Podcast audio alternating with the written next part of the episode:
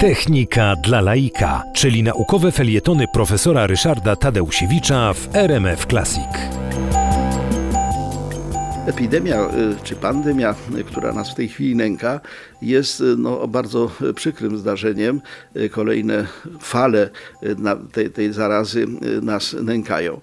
Pytanie, czy nie ma sposobu, jest, y, na to pytanie są dwie odpowiedzi.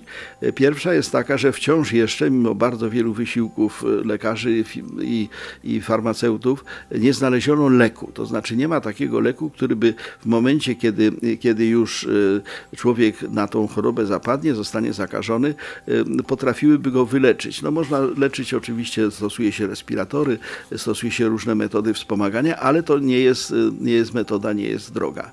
W związku z tym drogą do tego, żeby ograniczyć skalę tej, tej pandemii, jest, są niestety szczepienia. Są różne opinie na temat szczepień.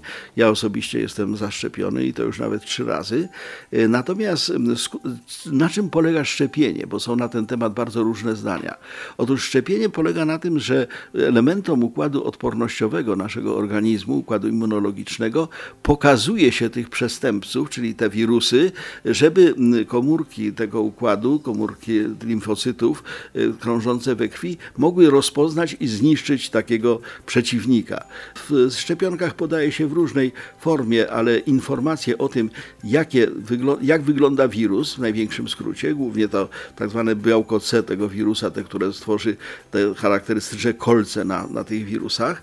No i y, są dwie, dwa rodzaje odpowiedzi, które trzeba wytrenować właśnie szczepieniem. Wytrenować, żeby organizm tego wirusa zwalczył.